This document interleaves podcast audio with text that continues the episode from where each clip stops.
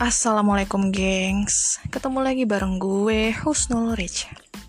Oke, sebelumnya gue ucapin dulu nih Selamat pagi, selamat siang, selamat sore, ataupun selamat malam.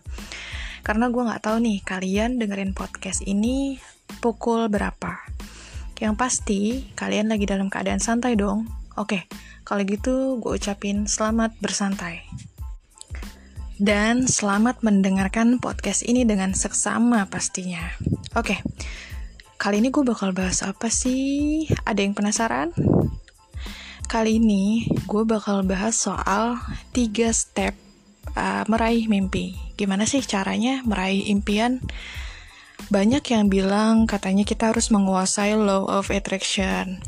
Terus kita harus sering-sering visualisasi, sering-sering melakukan afirmasi tapi kok belum terkabul juga itu gimana ya jadi gini guys ada tiga step yang akan menghantarkan kita menuju mimpi kita langkah pertama atau step pertama adalah yakin guys jadi kunci yang pertama adalah yakin kalau lo belum yakin, lo nggak bisa langsung ke step berikutnya gitu. Lo nggak boleh ngeloncat. Ini tuh step udah rule-nya begitu, udah urutannya seperti itu, dan kita nggak boleh ngelangkahin rule yang pertama ini. Alias step yang pertama ini, yaitu keyakinan. Karena ketika lo nggak yakin, lo itu kayak ibaratnya gini. Lo mau masak, kompornya lo nyalain terus lo matiin lagi. Gue bisa masak gak ya? Gue pengen masak nih, gue bisa gak ya? Lo nyalain terus nggak lama lo matiin lagi lu nyalain terus lu matiin lagi kapan matengnya mas bro mbak sis jadi yang pertama lo lakuin adalah yakin nyalain nyalain aja gitu untuk nanti enak atau enggak enak itu urusan belakangan itu bisa direvisi nanti dipelajari nanti salahnya di mana kelebihannya di mana itu kan bisa buat jadi bahan pelajaran nah kalau nggak dicoba-coba kapan bisa sampainya jadi step pertama adalah yakin. Keyakinan itu seperti menghantarkan doa. Ketika lo nggak yakin, ya lo sama aja mengcancel doa, mengcancel doa lo sendiri. Lo akan capek sendiri, udah berdoa lo cancel, berdoa lo cancel, udah lo tulis, lo tip ek, lo tulis, lo tip ek. Terus lo bilang deh kayak gini, kok doa gue nggak terkabul terkabul, padahal udah lo tulis, terus lo yang hapus sendiri gitu Aneh kan? Karena Tuhan tuh nggak pernah menzolimi kita, tapi kita yang menzolimi diri kita sendiri. Nah, itu yang perlu digarisbawahi, keyakinan. Oke, untuk yang step kedua, itu baru afirmasi. Nah, ini buat kalian yang udah tahu afirmasi, ya lakuin gitu. Setelah yakin ya. Jadi, untuk step kedua ini adalah afirmasi dan visualisasi gunanya untuk menginstal di dalam alam bawah sadar lo. Karena alam bawah sadar ini kekuatannya kan luar biasa banget ya, berkali-kali lipat daripada pikiran sadar. Atau biasa disebut dengan subconscious. Buat kalian yang belum tahu, afirmasi itu apa sih kak? Visualisasi itu apa sih kak? Kok aku belum pernah denger ya? Jadi gini ya, yang namanya afirmasi adalah kata-kata positif yang menguatkan lo. Gue bisa, gue pasti bisa. Jadi contohnya seperti itu ya, kata-kata positif yang kalian pengen ada di dalam diri kalian. Misal, gue pasti sukses, gue pasti bisa sukses, gue pasti bisa seperti yang lain. Jadi itu terus diucapin secara berulang. Terus divisualisasiin kesuksesan seperti apa nih yang lu mau. Kesuksesan seperti apa, itu harus didetailkan di dalam bayangan lo. Jadi itu namanya visualisasi. Selain diucapkan, juga dibayangkan. Kenapa visualisasi dan afirmasi ini penting? Apalagi kalau bisa ya, harus dirutinin. Setiap uh, bangun tidur. Waktu yang tepat untuk visualisasi dan afirmasi adalah ketika kita bangun tidur dan sebelum lo megang sosmed ya. Sebelum otak lo itu keracunan dengan sosial media dan berita apa yang ada di hari itu karena itu bisa mencemari. Ketika kita bangun, alam bawah sadar kita itu masih terbuka, dalam keadaan terbuka loh guys. Jadi itu pentingnya untuk dimasukin afirmasi dan visualisasi, itu penting banget. Karena otak kita sedang berada di alam bawah sadar. Kenapa sih penting banget visualisasi dan afirmasi ketika alam bawah sadar ini sedang terbuka? Karena guys, alam bawah sadar itu nggak bisa ngebedain antara kenyataan dan bayangan yang lo masukin ke dalam otak, seperti afirmasi dan visualisasi ini. Ketika lo masukin, otomatis itu akan memberikan perintah kepada tubuh lo. Itu akan mengirimkan energi magnet yang luar biasa ke alam semesta untuk mewujudkan apa yang lo afirmasikan dan apa yang lo visualisasikan. Keren ya? Makanya para pengusaha, motivator uh, motivator senior itu pasti mereka selalu bilang tentang law of attraction, afirmasi, visualisasi. Karena mereka bilang kita nggak akan pernah bisa sukses kalau kita tidak menggunakan ilmu ini. Jadi untuk lo yang selama ini masih kerjaannya cuma bekerja keras pakai tenaga doang, ya lo akan terus kayak gitu aja. Nggak akan sesuatu yang terjadi kayak nggak akan ada keajaiban deh istilahnya. Karena keajaiban ini kita tarik dengan alam bawah sadar.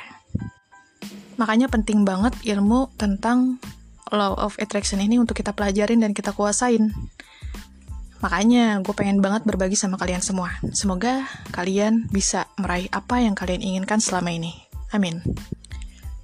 Satu kunci penting dari visualisasi dan afirmasi ini adalah kalian nggak boleh ngarep jadi ketika kalian bervisualisasi dan berafirmasi, ini harus dilepaskan. Kita melepaskan energi ke alam semesta. Kita menyerahkan kepada alam semesta. Namanya law of attraction.